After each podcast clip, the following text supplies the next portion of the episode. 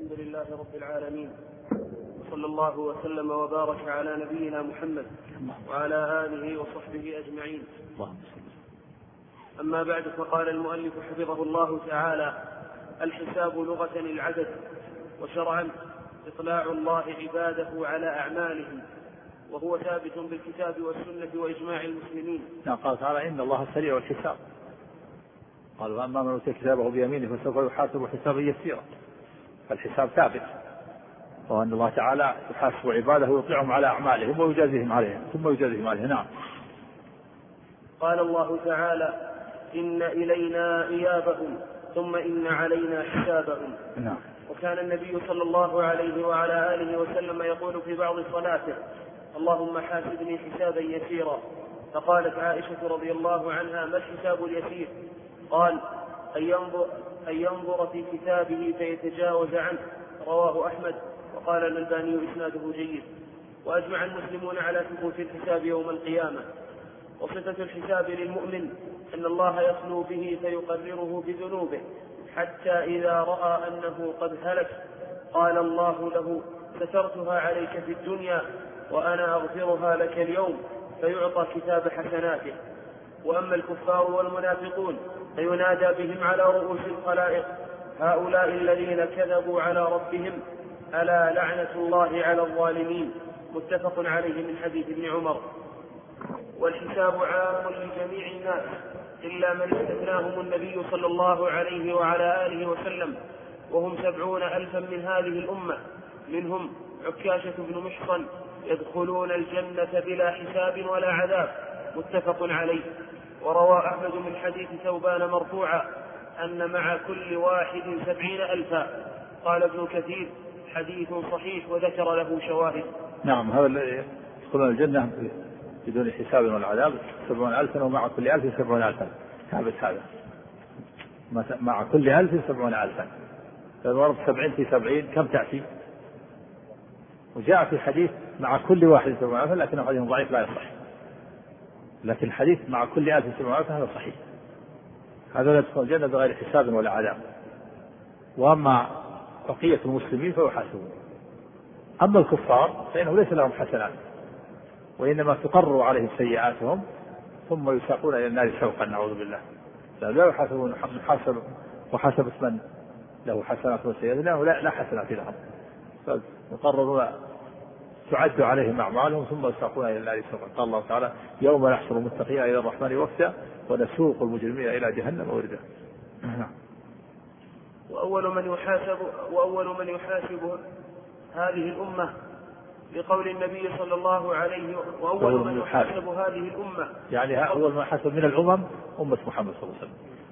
نعم. لقول النبي صلى الله عليه وعلى آله وسلم نحن الآخرون السابقون يوم القيامة. المقضي بينهم يوم قبل الخلائق متفق عليه. وروى ابن ماجه عن ابن عباس مرفوعا نحن آخر الأمم وأول من يحاسب الحديث.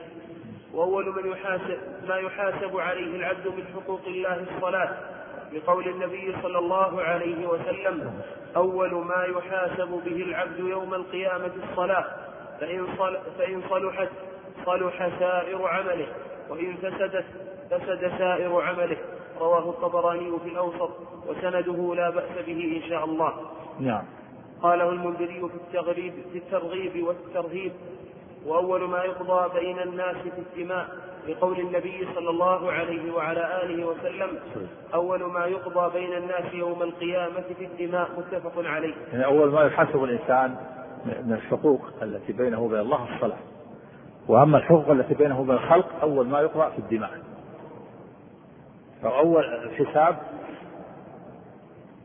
له أول من جهتين من جهة حقوق حقوق الله التي بين العبد وبين ربه الصلاة أول ما يحاسب عنها. وأما الحقوق التي بينه وبين الناس أول ما يحاسب عنها يقضى بين الناس بين الناس في الدماء حقوق الخلق تتعلق بالدماء. ثم بعد الحقوق الحقوق التي تتعلق بالأموال. نعم. قال المؤلف رحمه الله تعالى والميزان له كفتان ولسان. توزن به الأعمال. فمن ثقلت موازينه فأولئك هم المفلحون. ومن خفت موازينه فأولئك الذين خسروا أنفسهم في جهنم خالدون. نعم وهو ميزان حسي. ميزان حسي عظيم كفتاه كأطباق السماوات والأرض.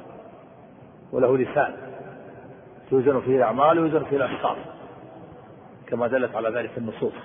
خلافا للمعتزلة القائلين بأن الميزان ميزان معنوي. المعتزلة أنكروا الميزان. قالوا ما في ميزان مع حسي.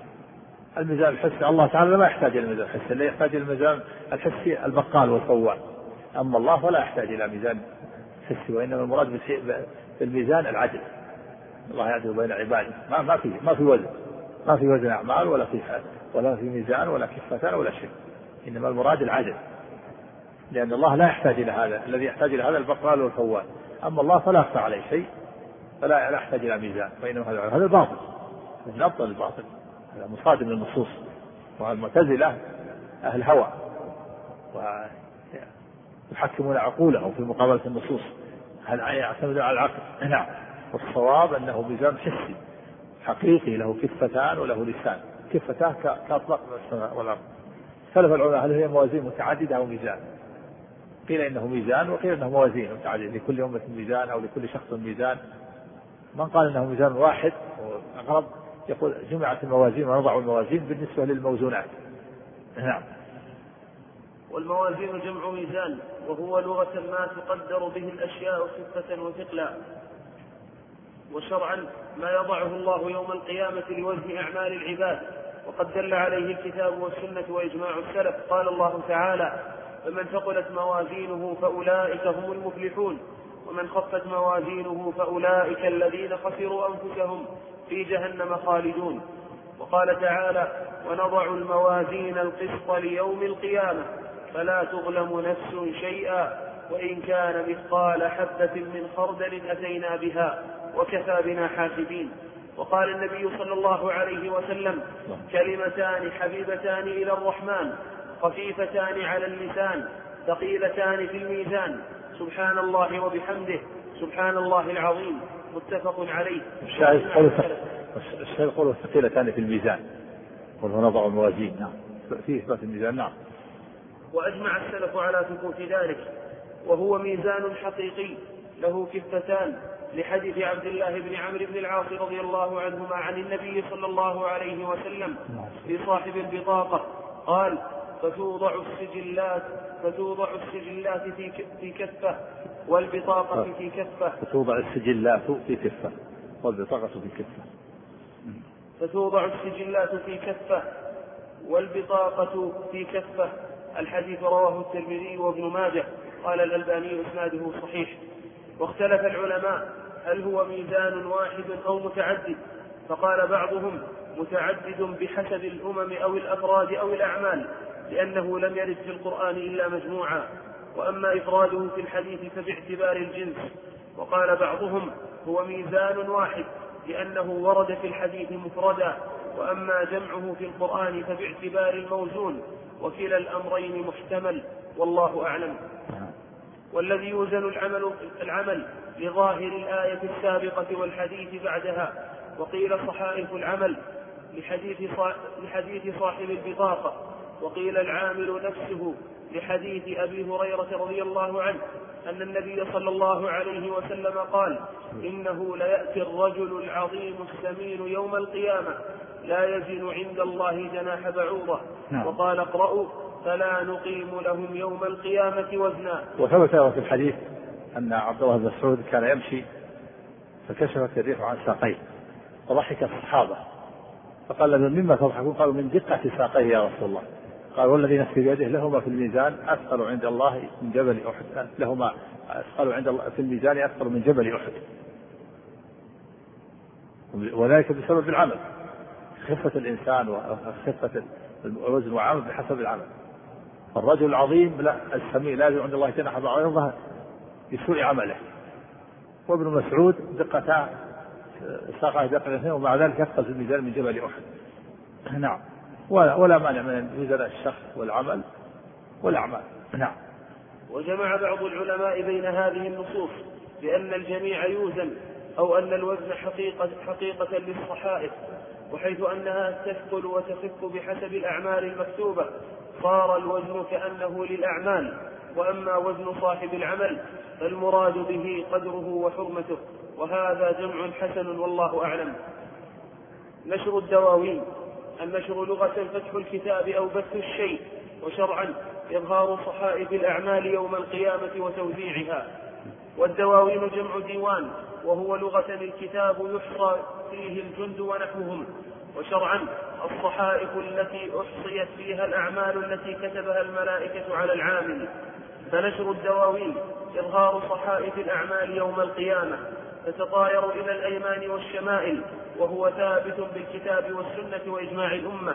قال الله تعالى فأما من أوتي كتابه بيمينه فسوف يحاسب حسابا يسيرا وينقلب إلى أهله مسرورا. وأما من أوتي كتابه وراء ظهره فسوف يدعو ثبورا ويصلى سعيرا. وقال تعالى وأما من أوتي كتابه بشماله فيقول يا ليتني لم أوت كتابيه. وعن عائشة رضي الله عنها أنها سألت النبي صلى الله عليه وسلم هل تذكرون أهليكم؟ قال أما في ثلاثة مواطن فلا فلا يذكر أحد أحدا عند الميزان حتى يعلم أيخف ميزانه أم يثقل وعند تطاير الصحف حتى يعلم أين يقع كتابه في كتابه في يمينه أم في شماله أم وراء ظهره. وعند الصراط إذا وضع بين ظهراني جهنم حتى يجوز. رواه أبو داود والحاكم. وقال صحيح على وقال صحيح على شرطهما. وأجمع المسلمون على ثبوت ذلك. نعم وضع الصحائف في الأعمال صحائف الأعمال بلا يكون يعطى بيمينه بشماله هذا ثابت في القرآن. من أنكره كفر إلا يكون له شبهة لم يعلم. قال الله تعالى فالمؤمن يعطى كتابه بيده اليمنى والكافر يعطى كتابه بيده اليسرى الشمال ملوية وراء ظهره نعوذ بالله. وأما من أوتي كتابه بالشمال وأما من أوتي كتابه وراء ظهره. نعم. ها؟ أي الحديث الأخير. على كل حال النصوص أقول هذا ثابت المعنى من غير حديث. نعم. مش عندك الموقف؟ ها؟ صفة أخذ الكتاب. بارك نعم. هو. واحد. يعطى بيده الشمال وثلها وراء ظهره صلى الله. عليه وسلم نعم.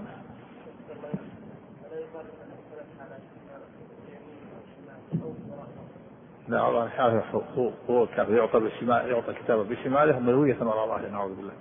نعم.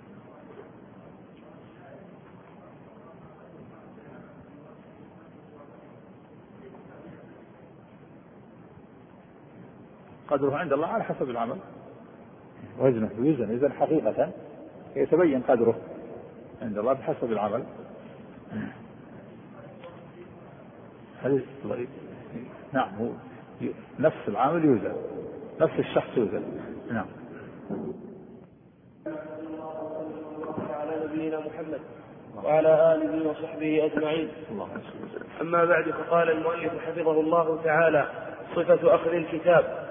المؤمن يأخذ كتابه بيمينه فيفرح ويستبشر ويقول هاؤم اقرأوا كتابي والكافر يأخذه بشماله أو من وراء ظهره فيدعو بالويل والثبور ويقول يا ليتني لم أوت كتابي ولم أدر ما حسابي. قال ابن قدامة رحمه الله تعالى ولنبينا محمد صلى الله عليه وسلم حوض في القيامة ماؤه أشد بياضا من اللبن وأحلى من العسل وأباريقه عدد نجوم السماء من شرب منه شربة لم يظمأ بعدها أبدا. وهذا كله ثابت في الأحاديث الصحيحة أن النبي صلى الله عليه وسلم حوض وهذا الحوض واسع. جاء في وصف الأحاديث أن أن طوله مسافة شهر وعرضه مسافة شهر. طوله شهر وعرضه شهر. وهو وجاء في وصف أنه أشد بياضا من اللبن وأحلى من العسل وأبرد من الثلج. وأطيب ريحا من المسك وأن أوانيه من الكؤوس والأكواب اللي يشرب فيها الأواني عدد نجوم السماء. وأنه من شرب منه شربة لم يضر بعدها أبدا حتى يدخل الجنة. وأنه يصب فيه ميزابان من نهر الكوثر في الجنة. يصب. يعني هو في الأرض في موقف القيامة والجنة فوق. يصب فيه ميزابان من, من نهر الكوثر. نسأل الله نسأل الله أن وإياكم منه من الشاربين وجاء في الحديث أنه يطرد عنه أقوام وأنه يرد عليه أقوام يطرد يذادون كما تذاد الإبل العطاش. والنبي صلى الله عليه وسلم قائم على الحوض فيقول يا ربي أصحابي أصحابي وفي لفظ أصيحابي أصيحابي فيقال إنك لا تدري ما أحدث بعدك إنهم لم يزالوا مرتدين على أعقابهم منذ فرقنا فيقول النبي صلى الله عليه وسلم سحقا سحقا لمن غير بعدهم. قال العلماء إن هذا المرتدين الأعراب الذين لم تثبت يثبت لما في قلوبهم وسدوا بعد موت النبي صلى الله عليه وسلم يطردون والعياذ بالله. الكفرة يطردون وهي دليل على النبي صلى الله عليه وسلم لم يعلم الغيب. قال لا تدري ما احدث بعدك. ما يعلم عن أحوال الناس بعده. وجاء في بعض الحديث أن لكل نبي حوضا. وأن حوض نبي أعظمها وأوسعها وأحلاها وأكثرها واردا. جعل الله منهم بمنه وكرمه. نعم. على خطر على خطر اصحاب الكبائر اللي ابتدأ الكفرة. بعضهم ذكر انه يمنع بعض الناس بعض الذين غدروا وغيروا بعض أهل البدع. ذكر هذه السفرين وجماعه والمشرفون على وغيرهم. لكن الكفرة هم الذي لا شك أنهم لا لا يردون أما غيرهم فهم على خطر نعم. الحوض لغة. مثل العاصي على خطر من العذاب في القبر وعلى خطر وعلى خطر من دخول النار وعلى خطر كذلك نعم. الكوثر في الجنة. يصب في في الحوض النبي حوض النبي في الأرض. والكوثر في الجنة يصب في ميزابان يصب في الحوض في موقف القيامة. الحوض في موقف القيامة. والكوثر في الجنة فوق. يصب من نهر الكوثر على الحوض. الحوض لغة الجمع. يقال حاض الماء حاض الماء يحوضه إذا جمع. نعم مجمع الماء حوض. نعم. نعم. قال بعضهم قبل قال بعضهم بعد. وكذلك قبل الصراط. في قول لأهل العلم. ولكن الأرجح أنه قبل قبل الحساب وقبل قبل الميزان قبل الميزان. قبل الميزان وقبل وقبل الصراط.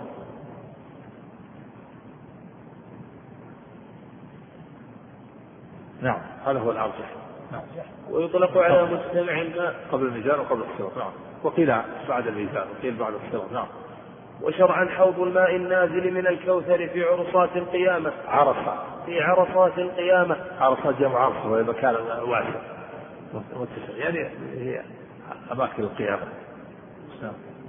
وشرعا حوض الماء النازل من الكوثر من الكوثر في عرصات القيامة للنبي صلى الله عليه وسلم. ودل عليه السنة المتواترة وأجمع عليه أهل السنة. نعم ومن الحديث المتواتر. قلنا إن الحديث المتواترة قليلة مرنا في درس اللؤلؤ والمرجان. أيضا ننبه في عندنا درس شهري للإخوان في المنطقة الشرقية. جعلنا لهم درس شهري. أول أربعاء من كل شهر ليلة الخميس بعد العشاء. جامع أمير السلطان. في اللؤلؤ والمرجان فيما اتفق فيه الشيخان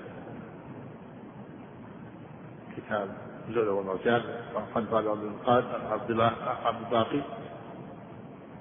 وكتاب التوحيد أيضا متن. وذكرنا له في هذا في أن الأحاديث المتواترة التي القولية ما تزيد على 14 15 حديث. والسنة كلها ثبتت بخبر الأحد منها حديث الحوض. حديث الحوض حديث متواتر. ومنها حديث الشفاعة. ومنها حديث من كذب عليه متعمدا فليتبوأ ما قدم لأن أول حديث قرأناه في اللؤلؤ والمرجان حديث من كذب عليه متعمدا فليتبوأ ما قدم النار هذا من الحديث المتواتر. فذكرنا له الحديث المتواترة كما بين أهل العلم المتواترة ما تزيد 14 أو 15 منها حديث الحوض وحديث الشفاعة وحديث من كذب عليه متعمدا فليتبوأ مقعده من النار وحديث النهي عن الصلاة بعد العصر. في أحاديث والباقي كلها ثبتت بخبر الأحد. أكثر الحديث والأحاديث التي في الصحيحين وفي غيرهما ثبتت بخبر الأحد. وخبر الآحاد يقابل المتواتر المتواتر ورواه جماعة كثيرون يستحيل تواطؤهم على الكذب عن مثلهم من أول السند إلى آخره وأسنده إلى محسوس هذا متواتر وما هذا خبر أحد. يروى واحد. خبر خبر الأحد أقسام المشهور لا الغريب ما رواه واحد عن واحد. والعزيز ما رواه اثنان. والمشهور ثلاثة أكثر إلى أن يصل إلى حد التواتر هذا كله يسمى خبر أحد. وخبر الأحد حجة. صح السند على العدول الثقات ولا يكون معلل ولا شاذ هذا يفيد العلم الصحيح وذهب جماعة إلى أنه يفيد الظن ولكن يجب العمل به. والصواب أنه يفيد العلم. ذهب قال النووي وابن عبد البر إنه يوجب العلم يوجب الظن يوجب يوجب العمل ولا يوجب العلم. يوجب الظن. والصواب أنه يفيد العلم. الصواب أنه يفيد العلم. ولو كان خبر أحد. صح السند وعدت الرواة ولم يكن شاذا ولا افاد العلم هذا هو الصواب. وأما أهل البدع فإنهم قالوا يفيد الظن. وقالوا أخبار الأحاد تفيد الظن. ودلالتها تفيد الظن فلا يحتج به لا من جهة السر ولا من جهة البدء وأما المتواتر فهو قطعي الثبوت لكن دلالته ما ما هي ظنية. مثل القرآن يقول قطعي ما في إشكال ما يستطيعون يتحكمون وكذلك المتواتر. ثم استوى على العرش هذا قطعي هذا ثابت 100% ما في إشكال عندنا. لكن كونه يدل على إثبات الاستواء هذا ظني في جواز أن يكون معناها الاستيلاء دلالتها ظنية وثبوتها قطعي وأما خبر الأحاد فدلالته ظنية وثبوته ظني فلا يحتج لا من جهة السند ولا من جهة المسند. هذه طريقة أهل الزيغ والعياذ بالله. والله الحق يقبل خبر الآحاد نعم. قال النبي صلى الله عليه وسلم إني فرطكم على الحوض. متفق عليه. وأجمع السلف أهل والفرط هو السابق. السابق الذي تقدم القوم يعني يتقدمهم يعني ينتظرهم تقدم الناس تقدم أمته وينتظرهم على الحوض. نعم. وأجمع السلف أهل السنة على ثبوته. وقد أنكر المعتزلة ثبوت الحوض ونرد عليهم بأمرين. الأول الأحاديث المتواترة عن الرسول صلى الله عليه وسلم. ثانيا إجماع أهل السنة على ذلك. صفة الحوض طوله شهر وعرضه شهر وزواياه سواء وآنيته كنجوم السماء وماؤه أبيض من اللبن وأحلى من العسل وأطيب, وأطيب, وأطيب من, من ريح المسك. فيه ميزابان يمدانه من الجنة. أحدهما من ذهب والثاني من فضة. من نهر الكوثر. سبحانه فيه من نهر الكوثر في الجنة. نعم. يرده المؤمنون من أمة محمد صلى الله عليه وسلم ومن يشرب منه شربة لا يظمأ بعدها أبدا وكل هذا ثابت في الصحيحين أو أحدهما. وهو موجود الآن لقوله صلى الله عليه وسلم وإني والله لأنظر إلى حوض الآن رواه البخاري. واستمداده من الكوثر بقوله صلى الله عليه وسلم وأعطاني الكوثر وهو نهر في الجنة يسيل في حوض. رواه أحمد. يسيل في حوض. نعم. رواه أحمد. قال ابن كثير رحمه الله وهو حسن الإسناد والمتن ولكل نبي حوض. ولكن حوض النبي صلى الله عليه وسلم أكبرها وأعظمها وأكثرها واردة. نعم هذا جاء في بعض الأحاديث الترمذي وغيره. بقول النبي صلى الله عليه وسلم إن لكل نبي حوضا وإنهم ليتباهون أيهم أكثر واردة وإني لأرجو أن أكون أكثرهم واردة. رواه الترمذي وقال غريب وروى ذلك ابن أبي الدنيا وابن ماجه من حديث أبي سعيد وفيه ضعف لكن صححه بعضهم من أجل تعدد الطرق. نعم. كلام الحافظ.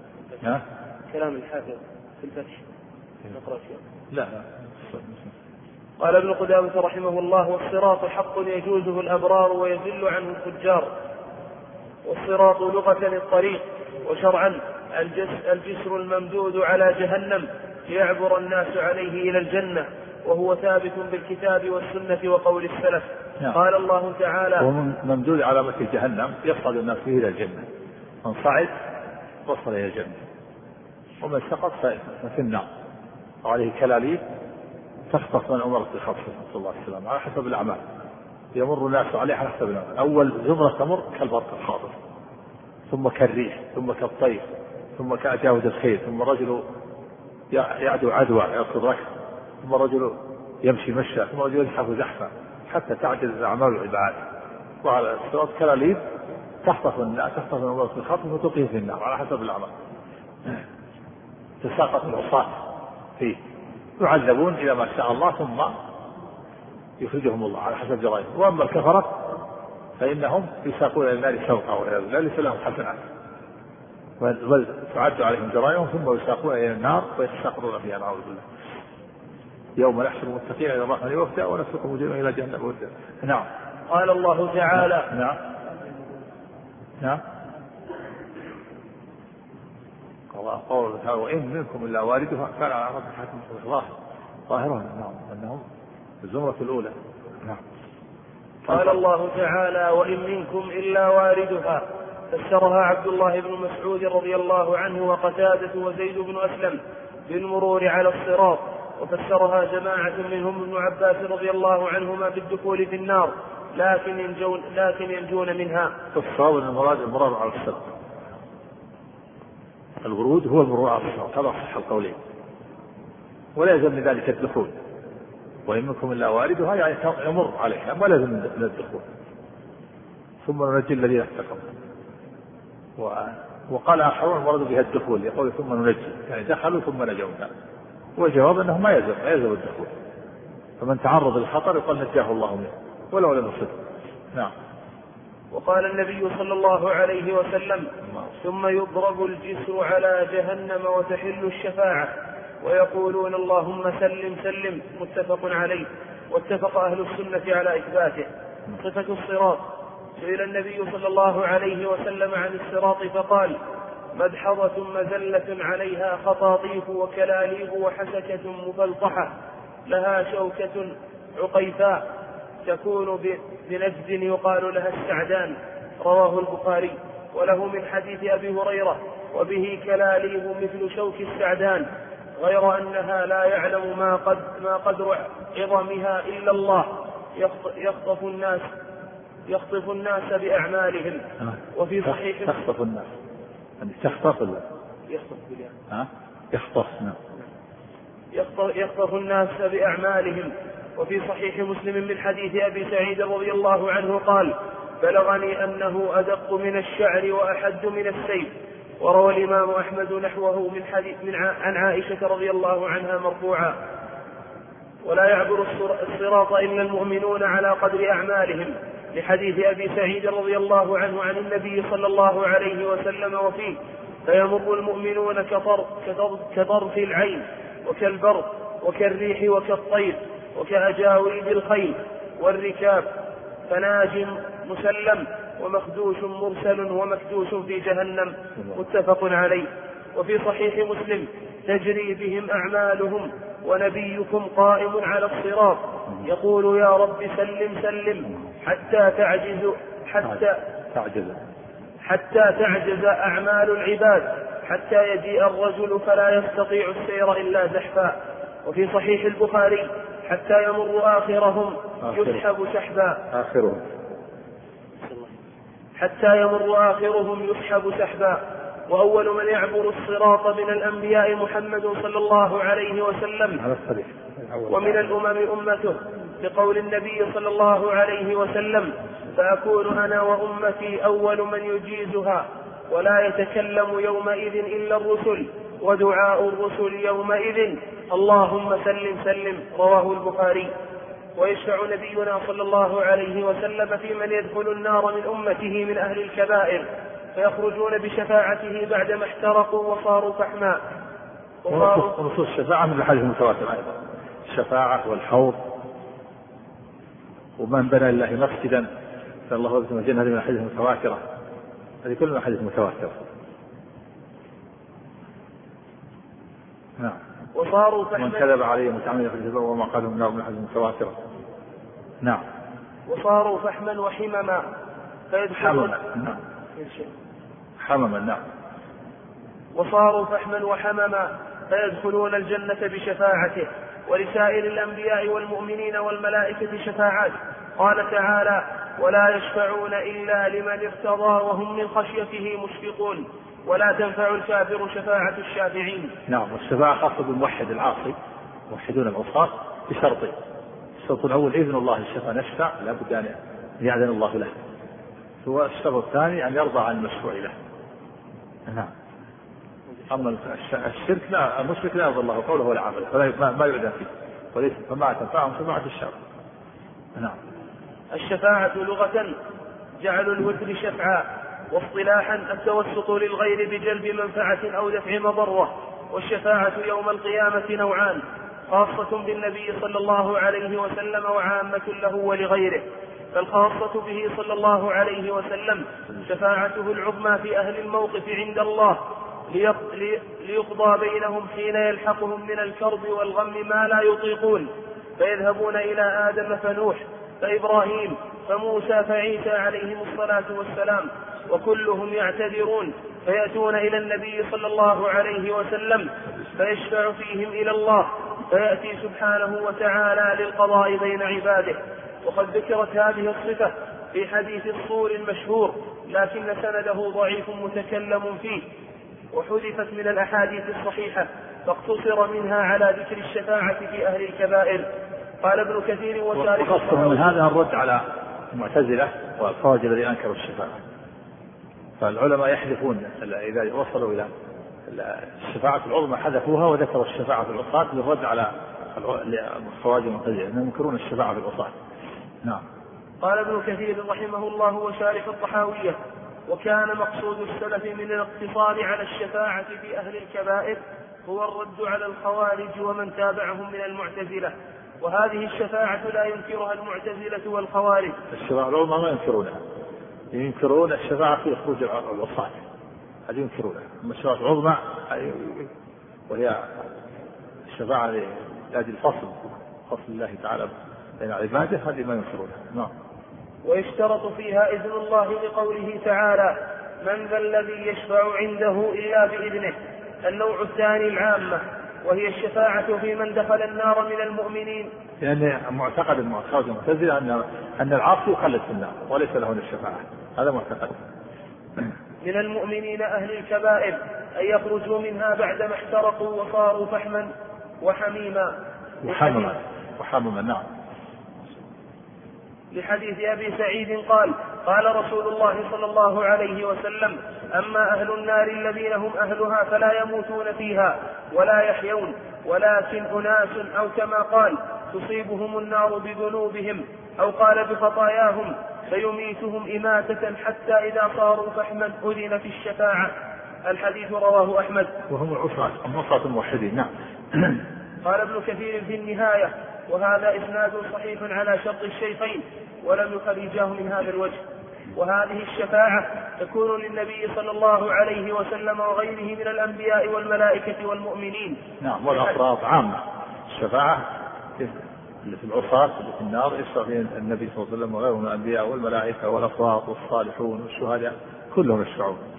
لحديث أبي سعيد عن النبي صلى الله عليه وسلم وفيه فيقول الله تعالى شفعت الملائكة وشفع النبيون وشفع المؤمنون ولم يبق إلا أرحم الراحمين. فيقبض قبضة من النار فيخرج منها قوما لم يعملوا خيرا قط. يخرج. لم يعملوا خيرا يعني زيادة على التوحيد والإيمان. زيادة على التوحيد والإيمان. نعم. فيخرج منها قوما لم يعملوا خيرا قط قد قد عادوا حمما. يعني فحما نسأل الله العافية. نعم. متفق عليه. وهذه الشفاعة ينكرها المعتزلة والخوارج بناء على مذهبهم أن فاعل الكبيرة مخلد في النار فلا تنفعه الشفاعة ونرد عليهم بما يأتي. أولا أن ذلك مخالف للمتواتر من الأحاديث عن النبي صلى الله عليه وسلم. ثانيا أنه مخالف لإجماع السلف ويشترط لهذه الشفاعة شرطان. الأول إذن الله في الشفاعة لقوله تعالى من ذا الذي يشفع عنده إلا بإذنه الثاني رضا الله رضا الله عن المش عن الشافع والمشفوع له لقوله تعالى ولا يشفعون إلا لمن ارتضى فأما الكافر فلا شفاعة له لقوله تعالى فما تنفعهم شفاعة الشافعين. أي لو فرض أن أحدا شفع لهم لم تنفعهم الشفاعة. وأما شفاعة النبي صلى الله عليه وسلم لعمه أبي طالب حتى كان في ضحضاح من نار وعليه نعلان يغلي منهما دماغه وإنه لأهون أهل النار عذابا. قال النبي صلى الله عليه وسلم ولولا أنا لكان في الدرك الأسفل من النار. هذا خاص هذا خاص بالنبي وخاص بأبي طالب وهي شفاعة تخفيف تخفيف العذاب خص كفره بسبب دفاعه عن النبي صلى الله عليه وسلم. فلما خص الكفر شفع له في تخفيف العذاب. ما ما يخرج إنما شفاعة تخفيف. خاص خاص بالنبي صلى الله عليه وسلم وخاص بأبي طالب. خاص بأبي طالب ما يشرك في غيره من الكفرة وخاص بالنبي صلى الله عليه وسلم. وهي شفاعة تخفيف لا خروج نعم رواه مسلم نعم الكفار يعني المراد الكفار نعم رواه مسلم فهذا خاص بالنبي صلى الله عليه وسلم وبعمه أبي طالب فقط وذلك والله أعلم لما قام به من نصرة النبي صلى الله عليه وسلم والدفاع عنه. نعم فخص كفره فشفع فيه تخفيف العذاب. نعم. وعما جاء به. نعم. هذا في الجنة نعم. الجنة والنار. إيش بعده؟ الجنة والنار. إيش العنوان؟ والجنة والنار مخلوقتان لا بارك نعم. لله رب العالمين وصلى الله وسلم وبارك على نبينا محمد الله. وعلى آله وأصحابه ومن استنى بسنته واقتفى أثره واتبع هداه إلى يوم الدين. أما بعد فقال المؤلف رحمه الله تعالى والجنة والنار مخلوقتان لا تثنيان فالجنة مأوى أوليائه والنار عقاب لأعدائه وأهل الجنة فيها مخلدون. إن المجرمين في عذاب جهنم خالدون لا يفتر عنهم وهم فيه مبلسون. نعم وهذا هذا هو معتقد السنة والجماعة. وهذا هو الصواب الذي دلت عليه النصوص أن الجنة والنار مخلوقتان الآن وأنهما دائمتان لا تفنيان وقال ذهبت المعتزلة إلى أن الجنة والنار معدومتان الآن ولا توجدان إلا يوم القيامة. قالوا إن وجودهما الآن ولا جزاء عبث والعبث محال على الله. هذه شبهتهم لكن نقول لهم هذا هذا باطل من ابطل الباطل. أول النصوص دلت على أنها موجودة. أن أنها موجودة أعدت للمتقين. إن جهنم كانت للطاغين ما مرصادا مرصدا معدة أعدت للمتقين للجنة. فهذا دليل على إيجادها. ثم أيضا ما قال لكم معطلة الآن؟ هم معطلة. الأرواح. أرواح المؤمنين في الجنة. تنعم. وأرواح الكفرة في النار. تعذب ما هي معطلة؟ الجنة والنار ما هي معطلة. هي الولدان في الجنة. والحور أرواح أرواح المؤمنين نسمة من طائر يعلق في شجر الجنة حتى يرجعه الله إلى جسده يوم يبعثه. والشهيد أرواحهم الشهداء أرواحهم في حواصل غير الخضر تسرح في الجنة تلد أنهارها وتأكل من ثمارها حتى يرجعه الله. حتى يبعثه الله يرجعه الله إلى جسده يوم يبعثه. ثم أيضا وكذلك أيضا المؤمن إذا وضع في قبره يفتح له باب إلى الجنة فيأتيه من روحها وطيبها والكافر يفتح له باب إلى النار فيأتي من حرها وسمومها. ما قال لكم إنها معطلة. هذا من أغلاط المعتزلة وجهلهم وضلالهم. ثم أيضا إن التهديد والتخويف بالنار إذا كانت موجودة هذا أبلغ في الزجر. من, من, من لو قال إلى إلى سنة يوم القيامة توجد النار وتعذبون فيها. وكذلك التشويق إلى الجنة. قيل إنها أنها موجودة الآن ومعدة. ليس كما كما إذا قيل إنها في يوم القيامة توجد لكم جنة. هذا من أبطل الباطل. وأهل النار وأهل الجنة في النار. أهل الجنة في الجنة مخلدون. وأهل النار في النار مخلدون. والمؤلف هنا ذكر قال أهل الجنة مخلدون. وسكت عن النار ولكن استدل بالآيات قال أهل الجنة وأهل الجنة إيش؟ وأهل الجنة. قال والجنة والنار مخلوقتان بعد فالجنة مولى أو مأوى أوليائه؟ إيه بعد النار عقاب لأعداء وأهل الجنة فيها مخلدون. وأهل النار ما ذكر؟ وأهل النار أيضا فيها مخلدون. لكن ذكر الآية بعدها إن المجرمين في عذاب جهنم خالدون. كل نسخ هذا عندكم هكذا ما في أهل النار. كان سياق يقول يقول وأهل الجنة فيها مخلدون وأهل النار فيها مخلدون ثم يستدل إن المجرمين في عذاب جهنم. سكت عن عن أهل النار. نعم. قال الشارح حفظه الله تعالى الجنة لغة البستان الكثير الأشجار. نعم. لكنه ذكر بعد ذلك سليم إيه ذكر إيه ذكر ذكر. أنا قلت هذا. قلت ذكر أن المدير في هذا لكن كان ينبغي لما ذكر هذه قال وأهل الجنة مخلدون يطلع بعدها وأهل النار مخلدون. يحتمل أنها سقطت منها بعض ها؟ في طبع عندك؟ لعله ساكته وش عندك؟ وأهل الجنة ها؟ اقرا اللي عندك.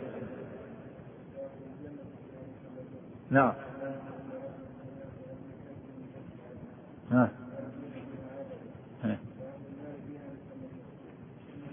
نعم. وأهل النار فيها مخلدون صح. هذه ساكته والأقرب النساء وش النسخة اللي معك هذا؟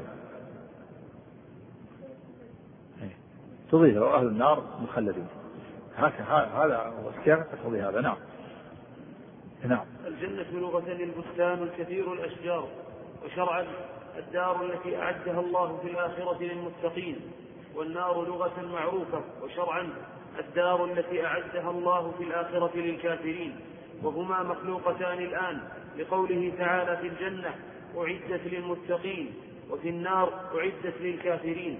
ولإعداد التهيئة ولقوله صلى الله عليه وسلم حين صلى صلاة الكسوف إني رأيت الجنة فتناولت منها عنقودا ولو أخذته لأكلتم منه ما بقي في الدنيا. لأن هذه من الأدلة والأدلة في هذا كثيرة.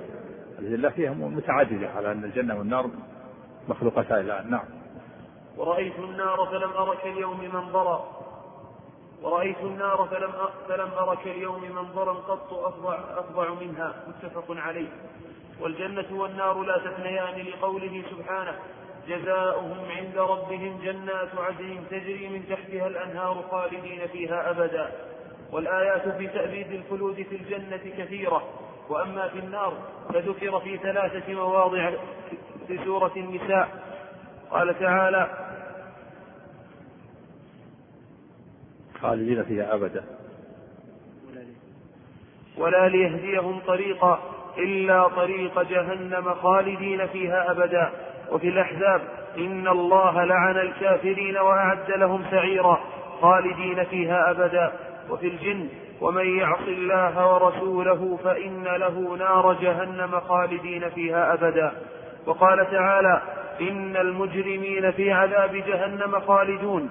لا يفتر عنهم وهم فيه مبلسون والجنة في أعلى عليين لقوله تعالى كلا إن كتاب نعم. الأبرار لفي عليين نعم يعني إيش فيها؟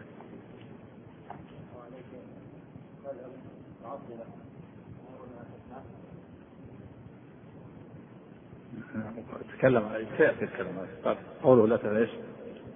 والجنة والنار لا نعم. الجنة في أعلى عليين. نعم هذا مكان الجنة. والجنة والنار مخلوقة الآن ولا تفنيان أبدا ولا تبيدان. وهذا هو الذي عليه أهل السنة قاطبة وأهل البدع ما عدا الجهم جهم الصفان يقول إن النار و... والجنة تفنيان والعياذ بالله في النهاية. وقال أبو الهذيل العلاف الشيخ المعتزلة في القرن الثالث الهجري قال إن تفنى حركاته. يكون يجمدون مثل الحجارة. تفنى حركاته الجنة وأهل النار. من أبطل الباطل. أقوال شاذة. ولهذا أنكر أهل السنة قاطبة وغيرهم على الجهمية. فالجنة والنار مخلوقتان دائمتان لا تفنيان ولا تبيدان. نعم. لا ما ما قال الشيخ الإسلام. يرى أنها مستمرة. ها؟ لا الشيخ الإسلام ما يقول ثلاثة يقول بأبديتها لكن في ابن القيم رحمه الله نقل نقول قد يرى بعضهم أنها أنها أنه يرى بفناء النار وانها وكذلك أيضا نقل أيضا في في شفاء العليل أقوال كثيرة قد يدل أنه يقول بفناء النار. وله أقوال أخرى صريحة في أبديتها فيحتمل أن أن هذه مجملة وأن هذه مفصله ويحتمل أنها كان له قول ثم رجع عنه. أما شيخ الإسلام ف... فليس هناك ما يدل على أنه يرى يقول بفنائها الاقوال صريحة في الأبدية. نعم. لقوله تعالى نعم. كلا إن كتاب الأبرار لفي عليين. وقوله صلى الله عليه وسلم في حديث البراء بن عازب المشهور في قصة فتنة القبر فيقول الله عز وجل اكتبوا كتاب عبدي في عليين. وأعيدوه إلى الأرض والنار في أسفل سافلين لقوله تعالى كلا إن كتاب الفجار لفي سجين. هنا النار الجنة فوق في السماء وهي درجات كل درجة أعلى أعلى نعيم وأعلاها الفردوس الفردوس هو أعلى نعيم في الجنة وأعلاها وسقف عرش الرحمن سقف الجنة عرش الرحمن. والنار في أسفل سافلين. وتبرز يوم القيامة. تبرز وتسجر البحار وتكون جزءا منها نعوذ بالله. وبرزت الجحيم لمن يرى. نعم. وينصب الصراط على وجه جهنم. يمر الناس عليه. فمن صعد فإلى الجنة. ومن سقط ففي النار. نعم. وقوله صلى الله عليه وسلم في حديث البراء بن عازب السابق فيقول الله تعالى اكتبوا كتاب عبدي في سجين في الأرض السفلى. وأهل الجنة كل مؤمن تقي لأنهم أولياء الله. قال الله تعالى في الجنة أعدت للمتقين. وقال أعدت للذين آمنوا بالله ورسله. نعم والتقوى والتقوى توحيد الله وإخلاص دين الله. فمن مات على التوحيد فهو من أهل الجنة. ومن مات على الشرك الأكبر فهو من أهل النار أعوذ بالله. والعاصي على خطأ قد يعفى عنه ويدخل الجنة من أولها وقد يعذب ثم يخرج منها إلى الجنة. نعم. كافر شقي. قال الله تعالى في النار أعدت للكافرين. وقال فأما الذين شقوا ففي النار.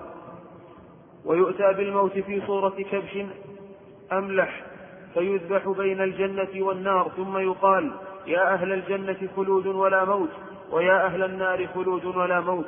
وهذا بعد خروج العصاة الموحدين من النار.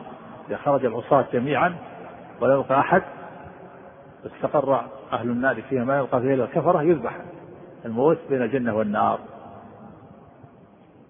فيكون كل من فيها كل من فيها مؤبد. فمن في الجنة هو مؤبد خلوده ومن في النار مؤبد خلوده والعصاة خرجوا نعم. الموت زوال الحياة وكل نفس ذائقة الموت وهو أمر معنوي غير محسوس بالرؤية. ولكن الله تعالى يجعله شيئا مرئيا مجسما ويذبح بين الجنة والنار. لحديث أبي سعيد الخدري رضي الله عنه أن النبي صلى الله عليه وسلم قال يؤتى بالموت كهيئة كبش أملح فينادي منادي فينادي مناديا أهل الجنة. فينادي؟ فينادي. مناد؟ نعم. فينادي مناديا أهل الجنة. فيشرئبون وينظرون فينادي فينادي مناد يا أهل الجنة. مناد يا أهل الجنة. نعم. فينادي مناد يا أهل الجنة فيشرئبون وينظرون فيقول هل تعرفون هذا؟ فيقولون نعم هذا الموت وكلهم قد رآه. ثم ينادي يا أهل النار فيشرئبون وينظرون فيقول هل تعرفون هذا؟ فيقولون نعم هذا الموت وكلهم قد رآه. فيذبح ثم يقول يا أهل الجنة خلود فلا موت. ويا أهل النار خلود فلا موت ثم قرأ وأنذرهم يوم الحسرة إذ قضي الأمر وهم في غفلة وهم لا يؤمنون. أخرجه البخاري في تفسير هذه الآية. وروى نحوه في صفة الجنة والنار من حديث ابن عمر مرفوعا. فصل حقوق النبي صلى الله عليه وسلم وأصحابه. ومحمد رسول الله صلى الله عليه وسلم خاتم النبيين وسيد المرسلين. لا يصح إيمان عبد حتى يؤمن برسالته ويشهد بنبوته. ولا, ولا يقضى بين الناس في القيامة إلا بشفاعته. ولا يدخل الجنة ولا يدخل ولا يدخل الجنة أمة إلا بعد دخول أمته. صاحب, صاحب نعم هذه حقوق لا لا بد منها أصل الدين وأساس الملة الشهادة لله تعالى بالوحدانية ونبيه بالرسالة من لم يشهد أن محمد رسول الله ولم يؤمن برسالته فهو كافر بإجماع المسلمين. ولا تصح منه شهادة لا إله إلا الله. شهادتان لا تصح إحداهما بدون الأخرى. من شهد أن لا إله إلا الله ولم يشهد أن محمد رسول الله لم تقبل منه. ومن شهد أن محمد رسول الله ولم يشهد أن لا إله إلا الله لم تقبل منه. لا بد من الجمع بين الشهادتين. وكذلك أيضا الشفاعة لا شك أن أنه صاحب الشفاعة عليه الصلاة والسلام. يشفع الناس حتى يقضى بينهم في موقف القيامة. نعم وأول الأمم تدخل الجنة أمة محمد صلى الله عليه وسلم. نعم. صاحب لواء الحمد والمقام المحمود والحوض المورود وهو إمام النبيين وخطيبهم وصاحب شفاعتهم. أمته خير الأمم وأصحابه خير أصحاب الأنبياء عليهم الصلاة والسلام. أفضل الخلق عند الله الرسل ثم النبيون ثم الصديقون ثم, ثم الشهداء ثم الصالحون. وقد ذكر الله هذه الطبقات في كتابه في قوله ومن يطع الله والرسول فأولئك مع الذين أنعم الله عليهم من النبيين من النبيين والصديقين والشهداء والصالحين. فالأنبياء والرسل هم الطبقة هم أفضل الناس ثم يليهم الصديقون. الصديق سعة مبالغة قوة تصديقه قوة تصديقه وتصديقه يحرق الشبهات والشهوات. وفي مقدمة الصديق الأكبر أبو بكر رضي الله ثم الشهداء الذين باعوا أرواحهم لله عز وجل ثم الصالحون على تفاوت فيما بينهم. منهم السابقون المقربون ومنهم مقتصدون ومنهم الظالم نفسه. نعم.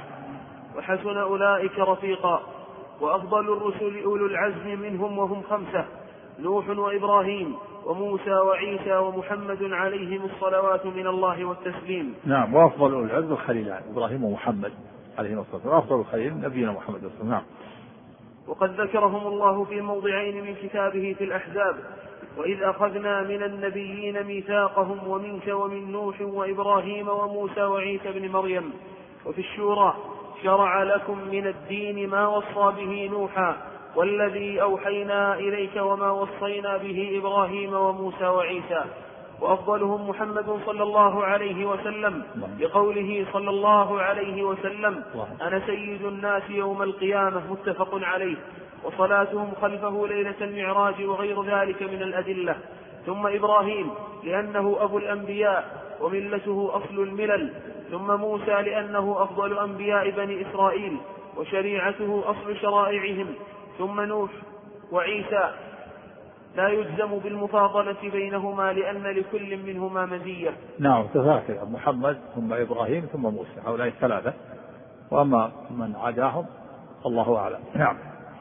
اختص النبي صلى الله عليه وسلم بخصائص نتكلم على ما ذكر المؤلف منها. أولا خاتم النبيين لقوله تعالى ما كان محمد أبا أحد من رجالكم ولكن رسول الله وخاتم النبيين. هذا لا شك في هذا. من يؤمن بأن محمد خاتم النبيين وزعم أن بعده نبي فهو كافر بإجماع المسلمين. لا هو خاتم النبيين. وأيضا لا بد من يؤمن بأن رسالته عامة للعرب والعجم والجن والإنس. من قال أن رسالته خاصة بالعرب فهو كافر بإجماع المسلمين. ومن قال أن بعده نبي فهو كافر بإجماع المسلمين. قال تعالى وما أرسلناك إلا كافة للناس بشرا ونذيرا. وأوحي إلي هذا القرآن لينذركم به ومن بلغ. نعم. تبارك الذي نزل الفرقان على عبده ليكون للعالمين نذيرا. فرسالته عامة عليكم. للجن والإنس والعرب والعجم وليس بعده نبي. هو آخر الأنبياء. نعم. ثانيا سيد المرسلين. وسبق دليله. ثالثا لا يتم إيمان عبد حتى يؤمن برسالته. لقوله تعالى فلا وربك لا يؤمنون حتى يحكموك فيما شجر بينهم وغيره من وغيره من الأنبياء يبعثون إلى أقوام معينين كل إلى كل إلى قومه. رابعا لا يقضى بين الناس إلا بشفاعته وسبق دليل ذلك في الشفاعة. خامسا سبق أمته سبق أمته الأمم في دخول الجنة لعموم قوله صلى الله عليه وسلم نحن الآخرون السابقون يوم القيامة. سادسا صاحب, صاحب لواء الحمد يحمله صلى الله عليه وسلم يوم القيامة ويكون الحامدون تحته لحديث أبي سعيد الخدري رضي الله عنه. إيش صاحب الحمد. صاحب لواء الحمد نعم. يحمله صلى الله عليه وسلم يوم القيامة ويكون الحامدون تحته. لحديث أبي سعيد الخدري رضي الله عنه أن النبي صلى الله عليه وسلم قال أنا سيد ولد آدم يوم القيامة ولا فخر وبيدي لواء الحمد ولا فخر وما من نبي يومئذ آدم فمن بعده؟ فمن, فمن سواه نعم. إلا تحت لوائي وأنا أول من تنشق عنه الأرض ولا فخر. رواه الترمذي وقد روى الأولى والأخيرة مسلم. اللهم صل وسلم. سابعا صاحب المقام المحمود أي العمل الذي يحمده عليه الخالق والمخلوق لقوله تعالى عسى أن يبعثك ربك مقاما محمودا. أي العمل؟ كذا. أي العمل؟ العمل نعم. نعم. صاحب المقام المحمود أي العمل أي العمل الذي يحمده عليك عليه الخالق والمخلوق بقوله تعالى عسى أن يبعثك ربك مقاما محمودا. وهذا المقام هو ما يحصل من مناقبه صلى الله عليه وسلم يوم القيامة من الشفاعة وغيرها. ثامنا صاحب الحوض المورود والمراد الحوض الكبير الكثير. الكثير واردوه أما مجرد الحياض فقد مر أن لكل نبي حوضا. إمام النبيين وخطيبهم وصاحب شفاعتهم. لحديث أبي لحديث أبي بن كعب أن النبي صلى الله عليه وسلم قال إذا كان يوم القيامة كنت يوم. إمام النبيين وخطيب وخطيبهم. إذا, إذا كان يوم نعم. إذا كان يوم القيامة كنت إمام النبيين وخطيب وخطيبهم. وخطيبهم. وخطيبهم وصاحب شفاعتهم غير فخر. رواه الترمذي وحسنه. وأمته خير الأمم لقوله تعالى كنتم خير أمة أخرجت للناس. فأما قوله تعالى يا بني إسرائيل اذكروا نعمتي التي أنعمت عليكم وأني فضلتكم على العالمين فالمراد عالم, عالم زمانهم. وأفضل أمته أبو بكر الصديق ثم عمر الفاروق ثم عثمان ذو النورين ثم علي المرتضى رضي الله عنهم أجمعين. لما روى عبد الله بن عمر رضي الله عنهما قال كنا نقول والنبي صلى الله عليه وسلم حي أفضل هذه الأمة بعد نبيها أبو بكر ثم عمر ثم عثمان ثم علي فيبلغ ذلك النبي صلى الله عليه وسلم فلا ينكره. نعم وهذا عليه بين أهل السنة والجماعة أن ترتيبهم في الفضل كترتيبهم في الخلافة.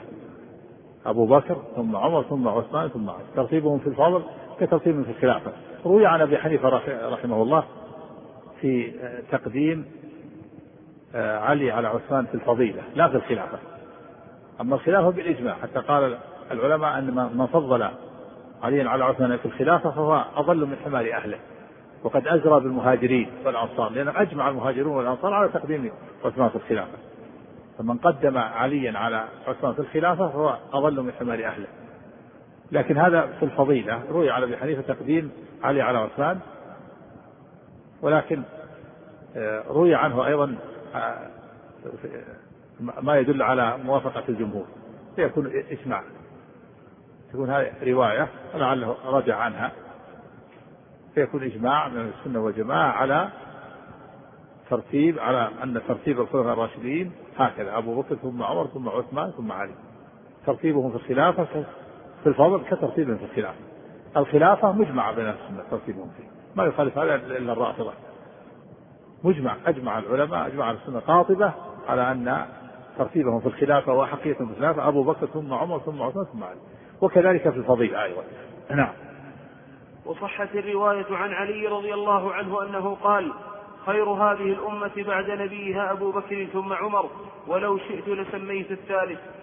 وروى أبو الدرداء عن النبي صلى الله عليه وسلم أنه قال ما طلعت الشمس ولا غربت بعد النبيين والمرسلين على أفضل من أبي بكر وهو أحق خلق الله بالخلافة بعد النبي صلى الله عليه وسلم بفضله وسابقته وتقديم النبي صلى الله عليه وسلم له في الصلاة على جميع الصحابة رضي الله عنهم وإجماع الصحابة على تقديمه ومبايعته ولم يكن الله ليجمعهم على ضلالة. ثم من بعده عمر رضي الله عنه بفضله وعهد أبي بكر إليه. ثم عثمان رضي الله عنه لتقديم أهل الشورى له. ثم علي رضي الله عنه لفضله وإجماع أهل عصره عليه. وهؤلاء الخلفاء الراشدون المهديون الذين قال رسول الله صلى الله عليه وسلم فيهم عليكم بسنتي وسنة الخلفاء الراشدين المهديين من بعدي عضوا عليها بالنوافذ. علي رضي الله عنه ثبت له الخلافه بمبايعه أكثر أهل الحل والعقد. وتخلف عن مبايعة معاوية وأهل الشام يطالبون بدم عثمان ولا ولا يطلب معاوية الخلافة لنفسه وإنما يطالب بدم عثمان ثم يبايع يعني عن اجتهاد لكن ثبت له بمبايعة أكثر أهل الحل والعقد. نعم. نعم. إضافة لكن في حديث أخرى غير هذا نعم. وقال صلى الله عليه وسلم الخلافة من بعدي ثلاثون سنة فكان آخرها خلافة علي رضي الله عنه. الصحابي من اجتمع بالنبي صلى الله عليه وسلم مؤمنا به ومات على ذلك. بارك الله لله رب العالمين وصلى الله وسلم وبارك على نبينا محمد وعلى آله وأصحابه ومن استنى بسنته واقتفى أثره. واتبع هداه إلى يوم الدين أما بعد. قال الشارح حفظه الله تعالى فضائل الصحابة. الصحابي من اجتمع بالنبي صلى الله عليه وسلم مؤمنا به ومات على ذلك. هذا هو الصحابة. قال قال الحافظ من رأى النبي صلى مؤمنا ومات على الإسلام. الرؤيا ولهذا صغار الصحابة الأطفال الذي رآهم النبي صلى الله عليه وسلم الصحابة. تشملهم اسم الصحبة. من رأى النبي صلى مؤمنا ومات على الإيمان فهو الصحابة ولو تخلت ردة على الأصح كما قال الحافظ رحمه الله في النخبة ولو تخلت ردة. قل من رأى هذه من اجتمع لي. يعني في من رأى أقل من الاجتماع الاجتماع معناه اجتماع ومجالسة. ما يلزم. إذا رأى النبي مؤمنا خلاص من رآه مؤمنا ومات على الإسلام فهو صحابي. والصحابة الذين صغار الصحابة والأطفال الذين حنكهم أو رأوه يسمون صحابة. يشملهم اسم الصحبة على الصحيح نعم. نعم ما يبقى على صحبة إذا مات على الإيمان. على الصحيح على الصحيح. ولهذا قال الحافظ ولو تخلت عدة على الأصح نعم. وأصحاب النبي صلى الله عليه وسلم أفضل أصحاب الأنبياء لقول النبي صلى الله عليه وسلم خير الناس قرني. الحديث رواه البخاري وغيره. وأفضل الصحابة المهاجرون لجمعهم بين الهجرة والنصرة ثم الأنصار. وأفضل المهاجرين الخلفاء الأربعة الراشدون أبو بكر وعمر وعثمان وعلي رضي الله عنهم. وعمر نعم. وأفضل المهاجرين الخلفاء الأربعة الراشدون أبو بكر وعمر وعثمان وعلي رضي الله عنهم. فأبو بكر هو الصديق عبد الله بن عثمان بن عامر من بني تميم بن مرة بن كعب أول أول من آمن برسول الله صلى الله عليه وسلم من الرجال وصاحبه في الهجرة ونائبه في الصلاة والحج وخليفته في أمته أسلم على يديه خمسة خمسة خمسة أسلم على يديه خمسة من المبشرين بالجنة نعم. عثمان والزبير وطلحة وعبد الرحمن بن عوف وسعد بن أبي وقاص رضي الله عنهم توفي في جماد في جماد الآخرة سنة ثلاث عشرة الهجرة. هو أفضل الناس بعد الأنبياء. أفضل الناس بعد الأنبياء أبو بكر رضي الله عنه. وأفضل هذه الأمة بعد نبيها وبعد عيسى. لأن عيسى عليه السلام إذا نزل في آخر الزمان يكون فرد من أفراد الأمة المحمدية. فيكون أفضل هذه الأمة بعد نبيها عيسى ثم أبو بكر. عيسى اجتمع له الأمران النبوة وكونه أيضا والصحبة كونه من من أفراد هذه الأمة من أمة محمد. فيكون أفضل هذه الأمة بعد نبيها عيسى لأنه نبي ثم يليه أبو بكر الصديق. ولك أن تقول أفضل الناس بعد الأنبياء أبو بكر لأن عيسى نبي. نعم. وهؤلاء الخمسة مع أبي بكر وعلي بن أبي طالب وزيد بن حارثة هم الثمانية الذين سبقوا الناس بالإسلام. قاله ابن إسحاق يعني من الذكور بعد الرسالة. وعمر هو أبو حفص الفاروق عمر بن الخطاب من بني عدي بن كعب بن لؤي أسلم في السنة السادسة من البعثة بعد نحو أربعين رجلا وإحدى عشرة امرأة ففرح المسلمون به وظهر الإسلام بمكة بعده بعد إيش؟ بعد أسلم في السنة السادسة من البعثة نعم. بعد نحو أربعين رجلا وإحدى عشرة امرأة ففرح المسلمون به وظهر الإسلام بمكة بعده استخلفه أبو بكر على الأمة فقام بأعباء الخلافة خير قيام. وعز الله به الإسلام يقول اللهم أعز الإسلام بأحد العمرين. فأصابت الدعوة. نعم. عز الله الإسلام به, به الإسلام. نعم. إلى أن قتل شهيدا في ذي الحجة سنة ثلاث وعشرين عن ثلاث وستين سنة. وعثمان هو أبو عبد الله ذو النورين. عن ثلاث وستين. معروف عن أربعة وستين. كلهم أربعة أبو بكر وعمر وعلي كلهم. أربعة وستين ما عدا عثمان. 180 هذا المعروف. كلهم أربعة وستون نعم. وعثمان هو أبو عبد الله ذو النورين عثمان بن عفان من بني أمية بن عبد شمس بن عبد مناف. أو عندك 63 أو 63 كلهم على 63 64 كل الخلفاء.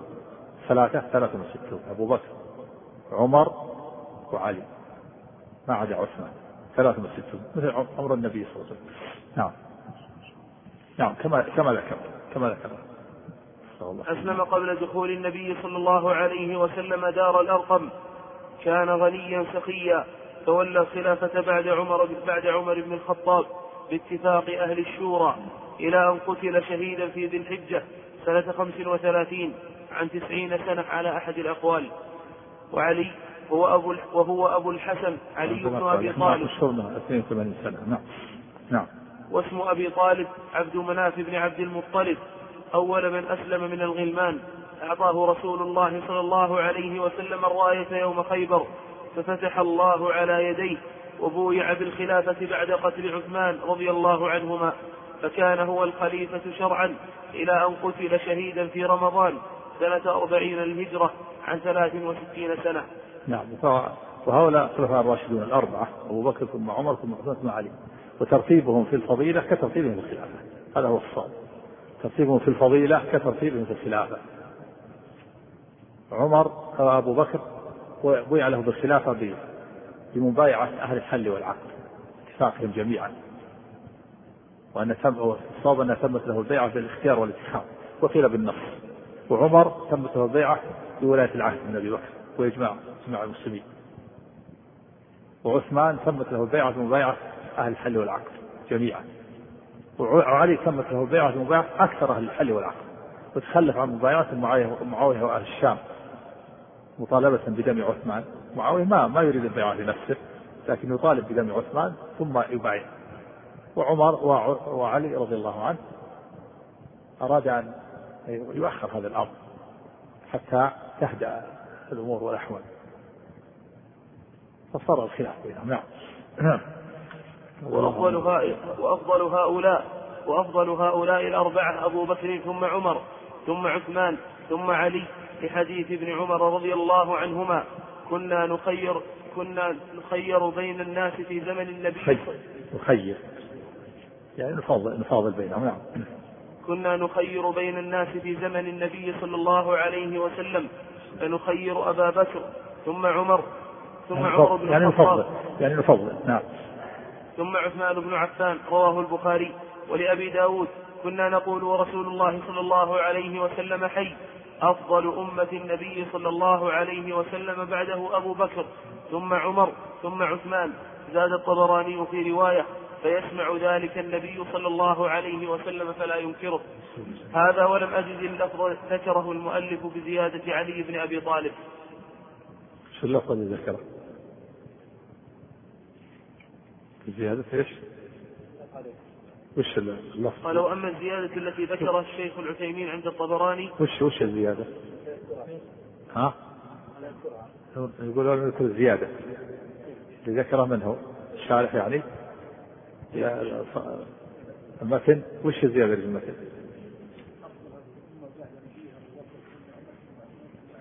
إيه وش وش كان عليه الشارح؟ خلاصة قال ثابتة ولا غير ثابتة؟ الشرح التعليق. التعليق قال وأما الزيادة التي ذكر الشيخ العثيمين عند الطبراني وهي فيسمع ذلك النبي صلى الله عليه وسلم فلا ينكره فهي زيادة صحيحة ثابتة من طرق كثيرة عند ابن أبي عاصم في السنة. نعم وأحمد وغيره. هذا المعروف نعم. معروف. وأحقهم بالخلافة بعد النبي صلى الله عليه وسلم أبو بكر رضي الله عنه لأنه أفضلهم وأسبقهم إلى الإسلام. ولأن النبي صلى الله عليه وسلم قدمه في الصلاة ولأن الصحابة رضي الله عنهم أجمعوا على تقديمه ومبايعته ولا يجمعهم الله على ضلاله. ثم عمر رضي الله عنه لأنه أفضل الصحابة بعد أبي بكر ولأن أبا بكر عهد بالخلافة عهد بالخلافة إليه. ثم عثمان رضي الله عنه بفضله وتقديم أهل الشورى له وهم المذكورون في هذا البيت علي وعثمان وسعد وطلحة وطلحة زبير وذو عوف رجال المشورة هذا أصحاب الشورى نعم. ثم علي رضي الله عنه لفضله وإجماع أهل عصره عليه. وهؤلاء الأربعة هم الخلفاء الراشدون المهديون الذين قال فيهم النبي صلى الله عليه وسلم عليكم بسنتي وسنة الخلفاء الراشدين من بعدي عضوا عليها بالنواجذ. وقال الخلافة بعدي ثلاثون سنة. رواه أحمد وأبو داود والترمذي. قال الألباني رحمه الله وإسناده حسن فكان آخرها خلافة علي. هكذا قال المؤلف وكأنه جعل خلافة الحسن تابعة لأبيه أو لم يعتبرها حيث أنه رضي الله عنه تنازل عنها. فخلافة أبي بكر رضي الله عنه سنتان وثلاثة, وثلاثة أشهر وتسع ليال من ثلاثة من الثالث عشر ربيع الأول سنة إحدى عشر الهجرة إلى الثاني والعشرين من جماد الآخرة. سنة ثلاث عشرة الهجرة وخلافة عمر رضي الله عنه عشر سنوات وستة أشهر وثلاثة أيام. من, من الثالث والعشرين جماد الآخرة سنة ثلاث عشرة الهجرة إلى إلى السادس والعشرين ذي الحجة سنة ثلاث وعشرين الهجرة. وخلافة عثمان رضي الله عنه اثنتا عشرة سنة إلا اثنا عشر يوما من الأول من محرم سنة أربع وعشرين الهجرة. إلى الثامن عشر ذي الحجة سنة خمس وثلاثين الهجرة. وخلافة علي رضي الله عنه أربع سنوات وتسعة أشهر من التاسع عشر ذي الحجة سنة خمس وثلاثين الهجرة. إلى التاسع عشر من رمضان سنة أربعين الهجرة. فجموع خلافة هؤلاء الأربعة تسع وعشرون سنة وستة أشهر وأربعة أيام. ثم بويع الحسن بن علي رضي الله عنهما يوم مات أبوه علي رضي الله عنه. وفي ربيع الأول سنة إحدى وأربعين الهجرة سلم الأمر إلى معاوية وبذلك ظهرت آية النبي صلى الله عليه وسلم في قوله الخلافة بعدي ثلاثون سنة. وقوله في الحسن إن ابني هذا سيد ولعل الله أن يصلح به فئتين عظيمتين من المسلمين. رواه البخاري. بعد تنازل الحسن لمعاوية أجمع الناس على بيعة معاوية وسمي اليوم سمي ذلك السنة سمي العام عام الجماعة في اجتماعهم على معاوية. سنة 41 تنازل الحسن لمعاوية بشرط حقل دماء المسلمين فأجمع الناس واتفقوا على بيعة معاوية وسمي العام عام الجماعة عام 41 واستمر في الخلافة إلى عام 60 60 سنة. معاوية رضي الله عنه. الخلافة نعم. فالحسن سبط رسول الله صلى الله عليه وسلم وريحانته وهو أمير المؤمنين ابن أمير المؤمنين علي بن أبي طالب رضي الله عنهما. ولد في الخامس عشر من رمضان سنة ثلاث للهجرة ومات في المدينة ودفن في البقيع في البقيع في ربيع الأول سنة خمسين الهجرة والحسين سبط رسول الله صلى الله عليه وسلم وريحانته وهو ابن علي بن أبي طالب رضي الله عنهما. ولد في شعبان سنة أربع للهجرة وقتل في كربلاء في العاشر من محرم سنة إحدى وستين الهجرة وثابت وثابت وهو ابن قيس بن شماس الأنصاري الخزرجي خطيب الأنصار قتل شهيدا يوم, يوم اليمامة سنة إحدى عشرة الهجرة في آخرها أو أول سنة اثنا عشر الهجرة. نعم نشهد له بالجنة نعم. ونشهد قال المؤلف رحمه الله ونشهد للعشرة بالجنة كما شهد لهم النبي صلى الله عليه وسلم فقال أبو بكر في الجنة وعمر في الجنة وعثمان في الجنة وعلي في الجنة وطلحة في الجنة والزبير في الجنة وسعد في الجنة وسعيد في الجنة. طلحة بن عبيد الله سعد بن أبي وقاص وسعيد بن زيد بن عمرو بن نفيل نعم. وعبد الرحمن بن عوف في الجنة وأبو عبيدة بن الجراح في الجنة. كل هؤلاء نشهد لهم بأعيانهم من شهد له النبي بأعينه نشهد له. وما عداه نشهد له بالعموم. نقول كل مؤمن في الجنة كل كافر في النار على العموم. أما المعين نشهد لمن؟ شهدت له النصوص بالجنة أو بالنار. نعم. وكل من شهد له النبي صلى الله عليه وسلم بالجنة شهدنا له بها كقوله الحسن والحسين سيدا شباب أهل الجنة. وقوله لثابت بن قيس إنه من أهل الجنة. ولا نجزم لأحد من أهل نعم القبلة. كذلك بلال شهد له بالجنة خشخشته. وابن عمر كذلك كما يدل عدد كثير. وكاسة بن محصن من السبعين ألفا. الجنة بغير حساب. ثابت بن غيث بن شماس وجماعة. نعم. ولا نجزم لأحد من أهل القبلة بجنة ولا نار إلا من جزم له الرسول صلى الله عليه وسلم. لكن نرجو للمحسن ونخاف على المسيء ترى الإنسان مستقيم على الطاعة نرجو له الخير وإذا رأيناه يفعل المعاصي نخاف عليه. ولكن لا ندري بأن هذا في الجنة ولا هذا في النار إلا بالنص. نشهد على العموم. كل مؤمن في الجنة وكل كافر في النار. نعم. لكننا نرجو للمحسن ونخاف على المسيء. الشرح الشهادة بالجنة أو بالنار ليس للعقل فيها مدخل فهي موقوفة على الشرع فمن شهد له الشارع بذلك شهدنا له ومن لا فلا. لكننا نرجو للمحسن ونخاف على المسيء. هذا معتقد السنة والجماعة. نعم. وتنقسم الشهادة بالجنة أو بالنار إلى قسمين عامة وخاصة.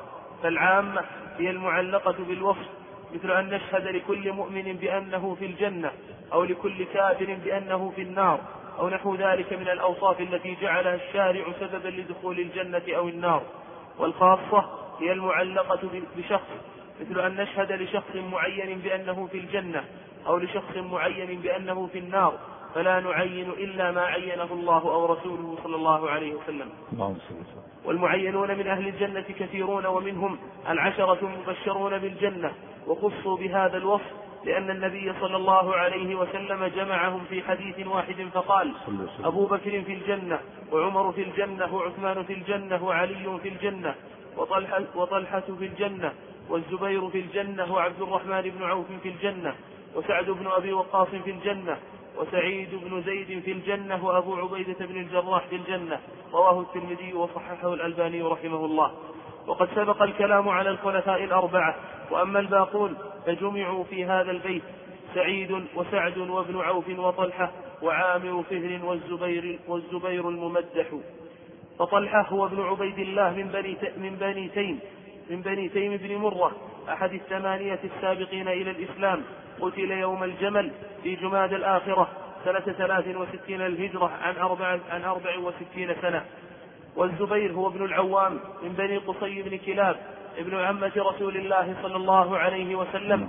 انصرف يوم الجمل عن قتال علي فلقيه ابن جرموز فقتله في جماد الأولى سنة ثلاث وستين عن سبع وستين سنة. وعبد الرحمن بن عوف من بني زهرة بن كلاب توفي سنة اثنين وثلاثين للهجرة عن اثنين وسبعين سنة ودفن بالبقيع. وسعد بن أبي وقاص وابن مالك من بني عبد مناف بن زهرة. أول من رمى بسهم في سبيل الله مات في قصره بالعقيق على عشرة أميال من المدينة ودفن بالبقيع سنة خمس وخمسين للهجرة عن اثنتين وثمانين سنة. وسعيد بن زيد هو ابن زيد بن عمرو بن عمرو بن نفيل العدوي كان من السابقين إلى الإسلام توفي بالعقيق ودفن بالمدينة سنة إحدى وخمسين للهجرة عن بضع وسبعين سنة. وأبو عبيدة هو عامر بن عبد الله بن الجراح من بني فهد من السابقين إلى الإسلام. توفي في الأردن في طاعون عمواس. عمواس. في طاعون عمواس. في طاعون عمواس. سنة ثمان سنة ثمانية عشرة عن ثمان وخمسين سنة. وممن شهد له النبي صلى الله عليه وسلم بالجنة الحسن والحسين وثابت بن قيس. قال النبي صلى الله عليه وسلم الحسن والحسين سيدا شباب أهل الجنة. رواه الترمذي وقال حسن صحيح. وقال صلى الله عليه وسلم في ثابت بن قيس إنك لست من أهل النار ولكنك من أهل الجنة. رواه البخاري. والمعينون من أهل, من أهل النار في الكتاب والسنة. أبو لهب من المعينين بالقرآن أبو لهب عبد العزى بن عبد المطلب عم النبي صلى الله عليه وسلم وامرأته أم جميل أروى بنت حرب بن أمية أخت أبي سفيان لقوله تعالى تبت يدا أبي لهب وتب ومن المعينين بالسنة أبو طالب عبد مناف بن عبد المطلب لقول النبي صلى الله عليه وسلم أهون أهل النار عذابا أبو طالب وهو منتعل بنعلين يغلي منهما دماغه. رواه البخاري. وهو أهون أهون, أهون أهل النار عذابا أهون وهو يتصور من شدة ما أصيبه أنه أشدهم وهو أهونهم نعوذ بالله. ينتهي بنعلين يغلي منهما من نار يغلي منهما دماغه. نعم. وفي لفظ إن اهول أهل النار عذابا أبو طالب وإنه لفي ضحضاح من نار يغلي منها دماغه. وفي لفظ إن عليه الشراكان من نعم من نار يغلي منهما دماغه. صلى الله عليه وسلم. نعم. ومنهم عمرو بن عامر بن لحي الخزاعي. قال النبي صلى الله عليه وسلم رأيته يجر أمعاءه في النار. رواه البخاري وغيره. قال لأنه, لأنه أول من جلب الأصنام إلى بلاد العرب. أول من سيب السوائب وبحر البحيرة. هو جلب أول من جلب الأصنام إلى بلاد العرب نعوذ بالله. نعم. قال المؤلف رحمه الله ولا نكفر أحدا من أهل القبلة بذنب ولا نخرجه عن الإسلام بعمل. هذا معتقد السنة والجماعة. خلاف الخوارج يكفرون بالمعاصي والكبائر. نعم. ونرى الحج والجهاد. وكذلك المعتزلة يخرجونهم من الإيمان والرسول في الكفر. نعم. ونرى الحج والجهاد ماضي ماضيا مع طاعة كل إمام برا كان أو فاجرا وصلاة الجمعة خلفهم جائزة. نعم. أما الخوارج والمعتزلة والرافضة ما ما يصلون خلف الإمام الفاجر ولا يرون له ولاية. الخوارج يكفرونه يرون أنه كافر مخلد في النار. والمعتزلة خرج من الإيمان ودخل في الكفر. والرافضة يقول ما ما ما يعترفون بالإمامة إلا الإمام المعصوم. والأئمة المعصومين 12 عندهم. آخرهم من دخل السرداب. الذي دخل السرداب سامرة في العراق 360 والباقي باطلة عندهم. ما في إمامة إلا المعصوم. نعم.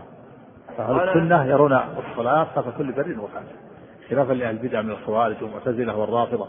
نعم. قال أنس رضي الله عنه قال النبي صلى الله عليه وسلم ثلاث من أصل الإيمان الكف عمن قال لا إله إلا الله ولا نكفره بذنب ولا نخرجه من الإسلام بعمل والجهاد ماض منذ بعثني الله عز وجل حتى يقاتل آخر أمة الدجال لا يبطله جور جائر ولا عدل عادل.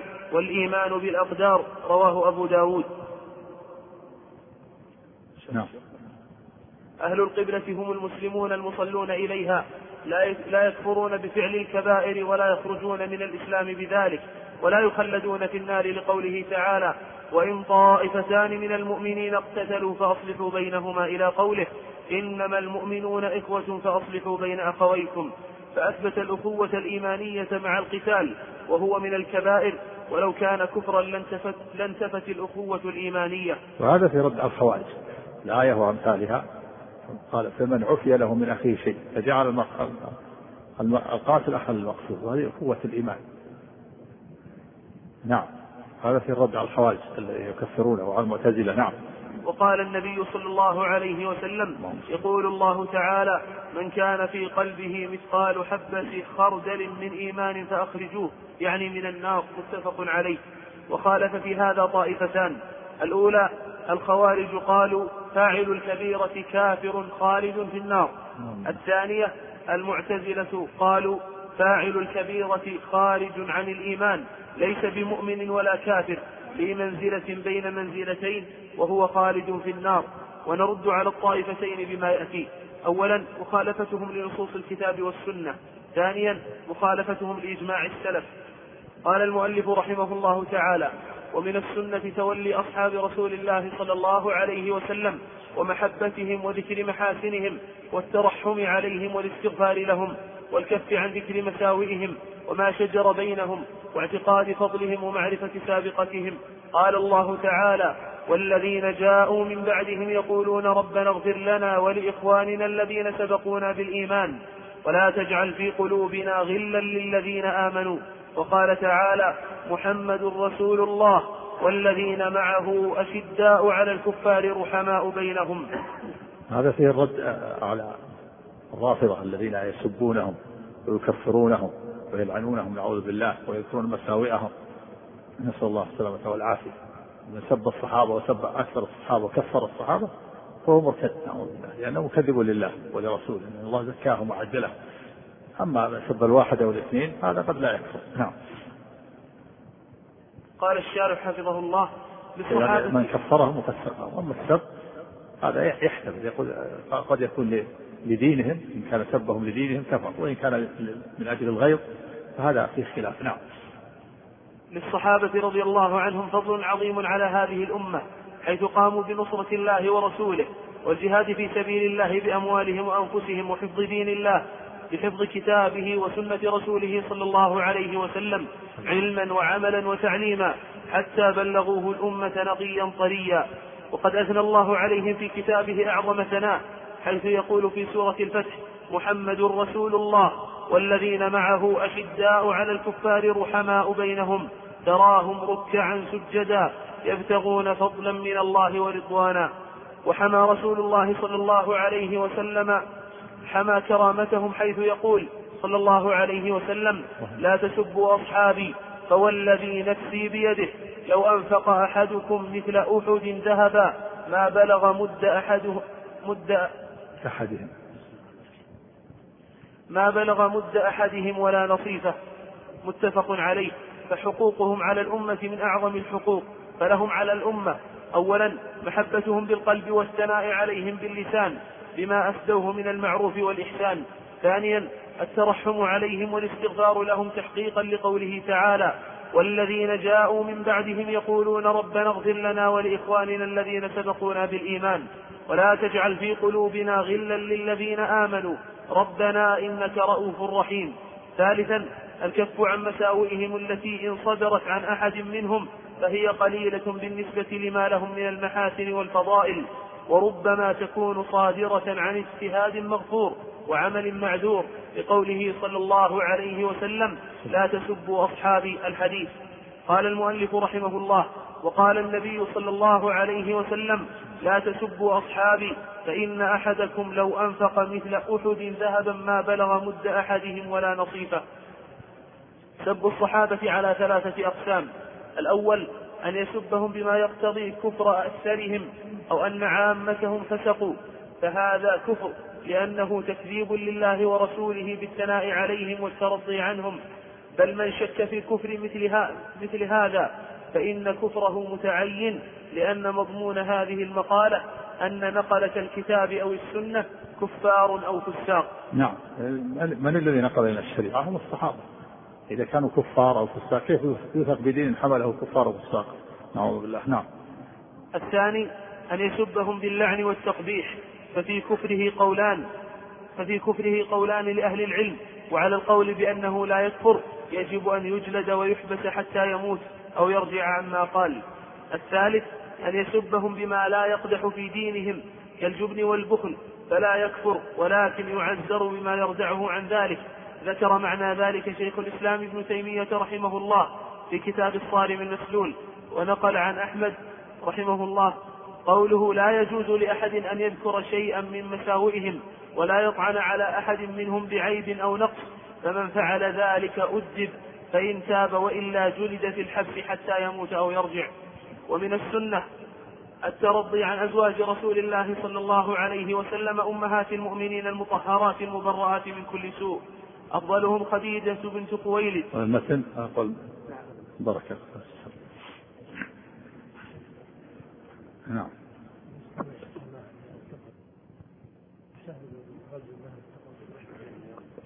لا في خلاف. بعض العلم يقول من شهد له أهل الصلاح يشهد له. لكن قول مرجوح. الصواب أنه ما يشهد إلا لمن شهد له النصوص الا قول لاهل العلم. نعم. حديث أنتم شهداء الله في الأرض. في قصه لما مر بجنازة وثني عليها الخير قال وجبت ثم مر بجنازة أخرى وثني عليها الشر قال وجبت فسألوه فقال هذا ما خير وجبت له الجنة وهذا ما شر وجبت له النار. احتج بهذا بعض أهل العلم.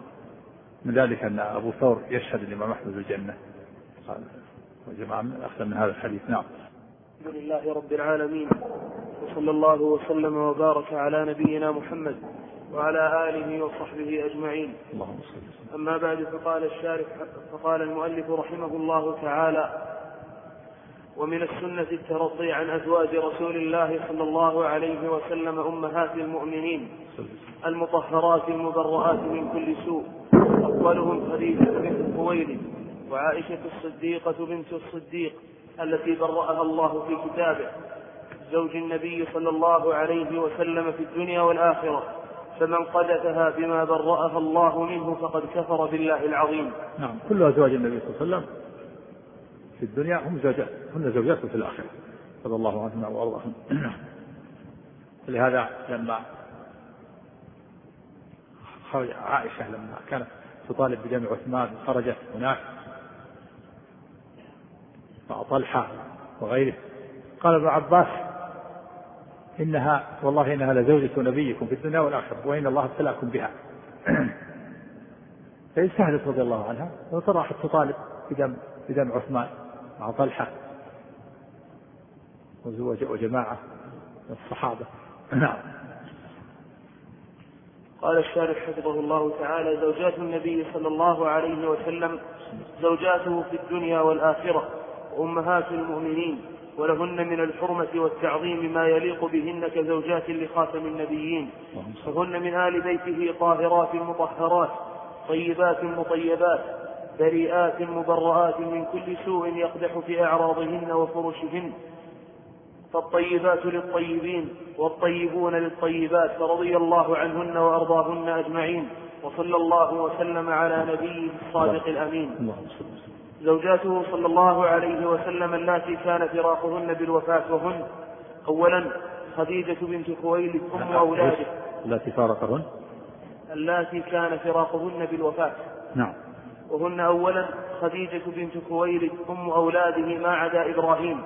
تزوجها رسول الله صلى الله عليه وسلم بعد زوجين. الأول عتيق بن عابد والثاني أبو هالة التميمي. تزوجها وهو ابن 25 وهي بنت 40 سنة. ففي دليل على لا بأس تزوج الصغير ممن هو أكبر منه.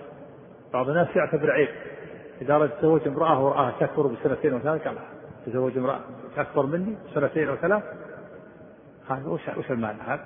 هذا الرسول عليه الصلاة والسلام أشرف ابن 25 شاب تزوج خديجة وهو 40 سنة. وكذلك بالمقابل تزوج عائشة وهي ابن تسع سنين وهو ابن 53 سنة. أكبر منها يكبر هذه الكثير بنت تسع سنين وهي وهو ابن 53 فلا حرج يتزوج الكبيرة الصغيرة ولا حرج يتزوج الصغير الكبيرة نعم. ولم يتزوج صلى الله عليه وسلم عليها حتى ماتت سنة عشر للهجرة من البعثة قبل المعراج. ثانيا عائشة بنت أبي بكر الصديق أريها صلى الله عليه وسلم في المنام مرتين أو ثلاثا وقيل هذه امرأتك فعقد عليها ولها ست سنين بمكة ودخل عليها في المدينة ولها تسع سنين توفيت سنة ثمان وخمسين الهجرة. ثالثا سودة بنت زمعة العامرية. تزوجها بعد زوج مسلم هو السكران بن عمرو بن عمرو أخو سهيل بن عمرو.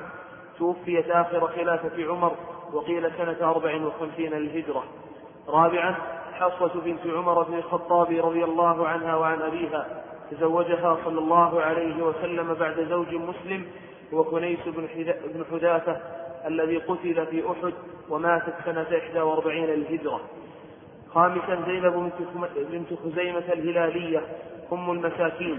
تزوجها بعد استشهاد زوجها عبد الله بن جحش في أحد وماتت سنة أربع للهجرة بعد زواجها بيسير.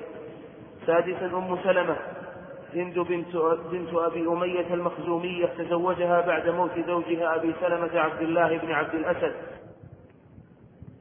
ما تبقى من مادة هذا الشريط تتابعونها في الشريط التالي.